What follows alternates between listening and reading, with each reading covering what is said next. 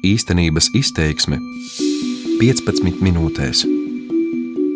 Pasūtiet artroveks krēmu ar papildu atlaidi un uz visiem laikiem aizmirstiet par locītavu problēmām. 78 gadus vecais Andris bija viens no daudzajiem, kas noticēja uzmācīgajām reklāmām internetā. Par brīnumu līdzekli viņš samaksāja 39 eiro, taču solītā efekta nebija. Un Andris pievērsās faktu pārbaudēji. Viņš noskaidroja, ka uzņēmums melo, un medicīnas profesori, kas reklāmās aicina pirkt dažādus ārstniecības produktus, patiesībā ir izdomāti. Mani sauc Evita Pūriņa, un nākamajās 15 minūtēs es jums izstāstīšu par meliem un mītiem, kurus šomēnes ar kolēģiem analizējām Rebaltika faktu pārbaudas projektā Rīčeka. Pētījām uzņēmumu, kas pelna miljonus ar melīgām reklāmām, pārdodot cilvēkiem pretsāpju līdzekļus un nekam nederīgus apavu ielikņus. Pārbaudījām dažādus mītus saistībā ar nākamā gada budžetu, bet sākšu ar to, kā radās panika par it kā paralizējošo nodokļu kāpumu automašīnām un cik tā ir pamatota.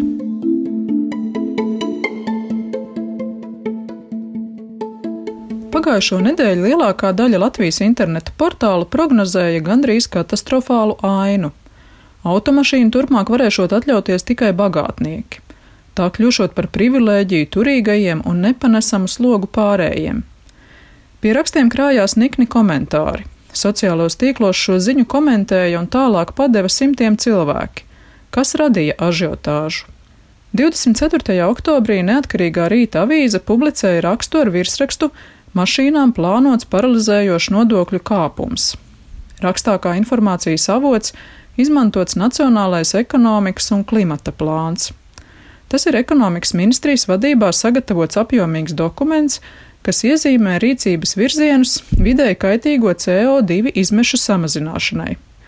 Transporta sadaļā patiesi pausts, ka izvērtēta iespēja no 2025. gada celt akcijas nodokli neekoloģiskajām degvielām, kā arī transporta līdzekļu eksploatācijas nodokli ar tām darbināmiem auto.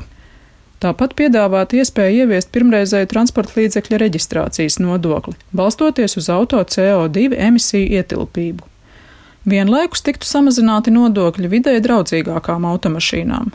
Taču dokuments ir vispārīgs, un tajā nav pat aptuveni iezīmētas likmes. Ne tas, par cik varētu kāpt akcijas nodoklis, ne cik liels varētu būt reģistrācijas maksājums.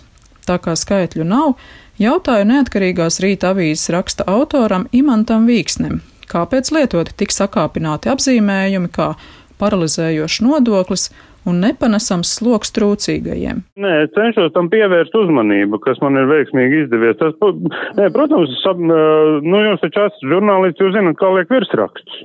Tā ir absolūta esence, rakstā ir ielikta absolūta esence, un, un, un rakstā jau es arī tur rakstu. Jā, šajā scenārijā tas viss tiek apstiprināts. Kā skaidro Vīksne, rakstā viņš norādījis, ka lēmumi vēl nav pieņemti un neslēp savu viedokli. Apspriešanas stadijā, jā, es to tur uzrakstīju apspriešanas stadijā. Nu, protams, ka es situ trauksmi, jo es uzskatu, ka tā ir drausmīgākā sūdzība pret latviešu nāciju. Viss šī tā klimata ideoloģija. Tajā pašā dienā portāls Delfi publicēja Latvijas transporta līdzekļu tirgotāju asociācijas rakstu, kurā pārspīlēts vēl vairāk. Valdības iecers draudot ar situāciju, kurā divas trešdaļas vairs nevarēšot atļauties iegādāties vieglo automašīnu. Šis raksts balstīts citā, proti satiksmes ministrijas dokumentā, taču arī tajā nav ne mazākās norādes, cik liels varētu būt iespējamais nodokļu kāpums. Zvanīju asociācijas valdes loceklim Aldim Čīmam. Viņš pārstāv lietoto auto tirgotājus. Šī likuma projekta doma ir tāda, ka, um, kad, kad um, uh, respektīvi aizliegt šo lietoto nu, par vecāks par trīs gadiem automašīnu ievešanu Latvijā, tad jautājums paliek kāds, kad tad, tad tiks izmantotas esošās automašīnas cilvēki nevarēs atļauties paņemt līzingus, nopirkt jaunas vai mazlietotas, tad viņi, viņiem būs jāmeklē kaut kāda risinājuma. Taču Čīmas minētais dokuments patiesībā ir nevis likumprojekts, bet gan tikai valdības rīkojuma projekts par grozījumiem plašākā plānā. Par jebkurām izmaiņām nodokļos vēl būtu jālem sējumai. Tajā arī nav runas par aizliegumu ievest vecākas automašīnas, lietots vārds ierobežot. Turklāt, kā norāda satiksmes ministrija, šie priekšlikumi vairs nav aktuāli. Vienlaikus paniku sēja arī otra puse. Pagājušo nedēļu Latvijas radio stāstīja, ka jau 2021. gadā Latvijai varētu būt jāmaksā 48 miljonu eiro sots par pārāk lielu CO2 radīto gaisa piesārņojumu. Vienīgais informācijas avots bija auto asociācijas prezidents Andris Kulbergs. Viņš pārstāv galvenokārt jauno autotirgotājus un uzskata, ka problēmu var izsināt, ierobežojot lietot automašīnu ieplūšanu Latvijā. Pēc šodienas datiem 2030. gadā būsim par 2 miljonu tonu CO2 vairāk nekā pieļauj mūsu apņemšanās. Tātad 2021. gadā mēs jau sāksim maksāt sodu naudas par neizpildi laicīgu. Dažas dienas vēlāk raidījumā Krustpunktā Kulbergs līdzīgi izteicās vēlreiz. Vides aizsardzības un reģionālās attīstības ministrijas pārstāvis Raimons Kašs to nosauc par nepatiesu informāciju. Jo par sodiem nekas nav lēmts. Tas ir pilnīgi. Tātad, jā, tas, ko mēs redzam, ir 8 miljoni. Pilnīgi, pilnīgi nekādu tādu nav ne ciparu, ne vēl pat idejas nav tiesa. Tā ir, tā ir sabiedriskas maldināšana vienkārši. Tagad Kulbergs mums sacīja, ka runājas tikai par asociācijas aprēķinātu prognozi, nevis faktu. Arī atbildīgās ministrijas acīm redzami nebija iedomājušās, ka neskaidroti plāni pat tālākā nākotnē celt nodokļus varētu raisīt sabiedrības sašutumu. Toties saceltā ažiotāža jau prasmīgi izmantota politiskajās spēlēs.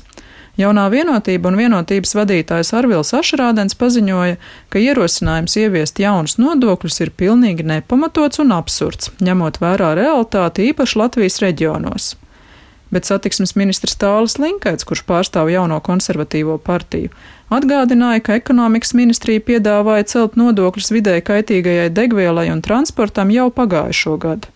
Tad ministrijas vadībā bija Ašerādens pats. Tik tālu par auto, bet dezinformācijas apskatu turpināšu ar sarunātajām aplamībām nākamā gada valsts budžeta kontekstā. Rīčeka aizvadītajā mēnesī analizēja apgalvojumus, kas izskanējuši saistībā ar nākamā gada budžeta projektu.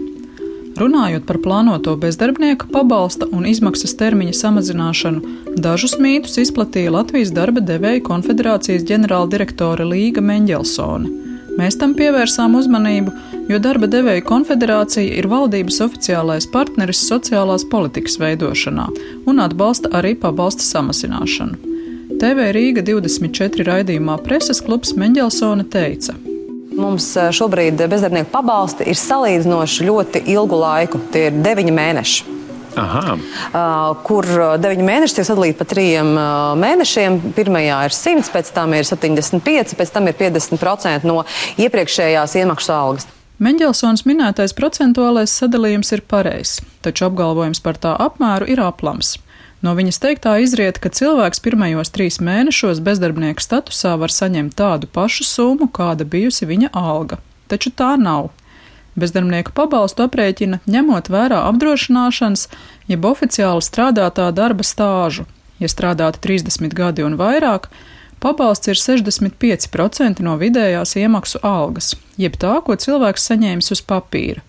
Taču tad, ja strādāts 1 līdz 9 gadi, pabalsta apmērs ir tikai 50%. Aprēķinātā summa ik pa trim mēnešiem samazinās. Ja šī apdrošināšana ieilgs tuvu jau gadam, un kā atceramies, krīzes laikā tiešām šis bija gads, tad, protams, tur radās tās konsekvences, kas saka, piezvan man pēc kādiem četriem mēnešiem, varbūt es būšu gatavs runāt. Nav ieinteresēti iet atpakaļ darba tirgū. Mums ir ļoti laba šī sociāla apdrošināšana, ja ir maksāt nodokļi. Arī šajā ziņā darba devēja konfederācijas ģenerāldirektorei nav taisnība. Pabalsts nekad nav maksāts gadu, bet apgalvojums par bezdarbnieku ļoti labo nodrošinājumu ir bez pamatojuma. Zvanīju Mendelsonai un jautāju, kāpēc viņa izplata nepatiesu informāciju un attēlo situāciju labāku nekā tā ir patiesībā.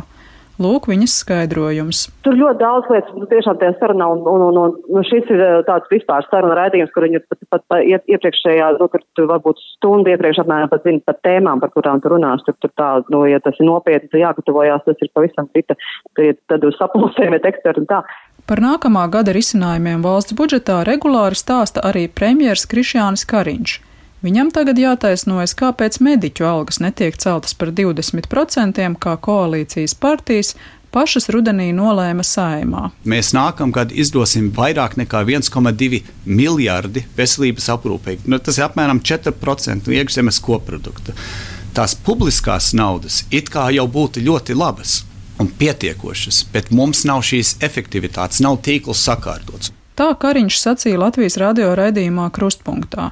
Veselības aprūpē nākamgad patiesi plānoti aptuveni 1,2 miljardi eiro, taču tie nav 4% no iekšzemes koprodukta, kā sacīja premjers, bet gan tikai 3,5%. Nedaudz pāri 4% ir tad, ja pieskaita arī pašvaldību izdevumus, par kuriem valdība nelemj. Jebkurā gadījumā proporcionāli pret iekšzemes koproduktu nākamgad tas būs pat mazāk nekā šogad. Tas nozīmē, ka valsts ekonomiskā attīstība un kopējie tēriņi aug straujāk nekā tā daļa, ko esam gatavi maksāt par veselības aprūpi. Taču galvenais publiskās naudas veselības aprūpē, kā saka premjers, nav ļoti labas un pietiekamas. Saskaņā ar Eurostat datiem vēl pirms diviem gadiem šai jomai veltījām tieši divreiz mazāk nekā Eiropas Savienībā vidēji. To, ka finansējums ir ļoti mazs un nepietiekams, atkārtoti uzsvērusi gan Pasaules veselības organizācija, gan Eiropas komisija. Pārāk mazais budžets nozīmē, ka daudzi paliek nesaņēmuši vajadzīgo aprūpi, un veselības pakalpojumu pieejamībā valda liela nevienlīdzība. Premjera teikto skaidroja viņa padomnieks Sandris Sabājevs. Mūsu atbilde ir tāda, ka ministrs prezidenta izteikums ir retorisks, lai uzsvērtu, ka papildu finansējums nav vienīgais risinājums situācijas uzlabošanai veselības aprūpē. Kariņam ir taisnība, ka slimnīcās trūkst efektivitātes, taču ar to nepietiks. Ārstu Latvijā ir mazāk nekā Eiropas Savienībā vidēji, bet medmāsu trūkums nu jau ir katastrofāls. Lai cilvēki saņemtu pienācīgus veselības aprūpas pakalpojumus, Mums vajadzīgs vairāk mediķu un būtiski jāceļ viņu atalgojums. Tas par valsts budžetu, bet mēneša mītu apskatu beigsim ar stāstu par iespējams vecāko faktu pārbaudītāju Latvijā un to, kā viņš atklāja krāpšanu interneta reklāmās. Inovatīvais latviešu atklājums noņem 41 sāpju kaitas, bez zālēm, bez injekcijām, bez stāvēšanas rindā pie ārsta kabinetiem. 78 gadus vecais Andris lasa tekstu no kādas interneta lapas ar dīvainu nosaukumu jumper.go.com. Uz šo un citām vietnēm aizved Facebook tīklā izvietotas reklāmas. Tajās kritizēti ārsti, kuru izrakstītie medikamenti esot dārga inde. Andris tagad atzīst, ka iekrita. Nopirka gan apavu ielikņus, gan krēmu locītavām, gan pretsāpju kapsulas. Viens pirkums 39 eiro, turklāt ar 50% atlaidi efekts ne, absolūti nekāds. Absolūti nekāds. Sapratis, ka nauda izmesta vējā un ielikņi patiesībā spiež, nevis palīdz, Andris sāka pārbaudi. Meklēja, kas ir reklāmās redzamie speciālisti, kas šos produktus slavē. Viena no tiem - kāda dzintra leja. Reklāmā teikts, ka viņa ir ārste, kardioloģe, medicīnas zinātņu doktore, Rīgas Stradiņa Universitātes rektore un galvenā redaktore vairākos medicīnas žurnālos. Vispirms es paskatījos, kas Stradiņa Universitātē ir rektors. Tur ir vīrietis rektors. Kādi ir bijušie rektori? Tāda cīņa nav rektoros. Pirmais jau aizdomīgi liekas. Ja? Rebaltika devās palīgā Andrim. Kādā līdzīgā itāļu interneta lapā šī dzintra leja saukta par profesoru Jordanu Bevilaku. Tātad lapas autori, jeb uzņēmums, kas šos medicīnas produktus pārdod, bildes ņēmuši no interneta un speciālistus vienkārši izdomājuši. Sazināties ar šiem krāpniekiem nav iespējams. Tikai uz Andra nopirktā krēma tūbiņas rakstīts, ka tas ražots pēc firmas shopping service pasūtījuma. Lursava dati liecina, firma pieder Krievijas pilsonim Aleksandram Kazačkovam devāmies uz firmas adresi Rīgā. Jums ir kāda vadības adrese? Jā, es vēl uzbrīdu. Jā, es pagaidīšu. Netaisiet ar vadību apmainīties, ne? Ar stūmēties. Eh, par reklāmām. Par maldīgām reklāmām. Bet jūs esat shopping servis. Patērētāju tiesību aizsardzības centrs jau sācis lietu pret firmu shopping servis, jo palīdzību lūguši lietuviešu kolēģi centrā apskatījuši arī uzņēmuma interneta reklāmas Latvijā. Nu, tās visefektīvākais līdzeklis būtu bloķēt šīs mājaslapas, bet, diemžēl, pat labāk šī procedūra ir ļoti sarežģīta un ir domāta grozījuma normatīvajos mm. aktos. Tā kā, nu, cerams, ka nākotnē mums izdosies labāk tikt galā ar šādu veidu lapām. Tā saka Centra patērētāju tiesību uzraudzības departamenta direktore Ieva Baldiņa Brūklīte. Tikmēr Rebaltika, tāpat kā patērētāju tiesību aizsardzības centrs, aicina sekot Andra piemēram un pirms jebkura pirkuma internetā rūpīgi izpētīt, vai vispār ir skaidrs, kam gatavojaties pārskaitīt savu naudu. Andris tagad saka, tā kā es uz priekšu vairāk šitās lietas nepasūtīšu nekad. Raidījuma īstenības izteiksme veidoja es, pētnieciskās žurnālistikas centra Rebaltika faktu pārbaudas projekta Rīčeka redaktore Evita Puriņa, speciāli Latvijas radio. Īstenības izteiksme 15 minūtēs.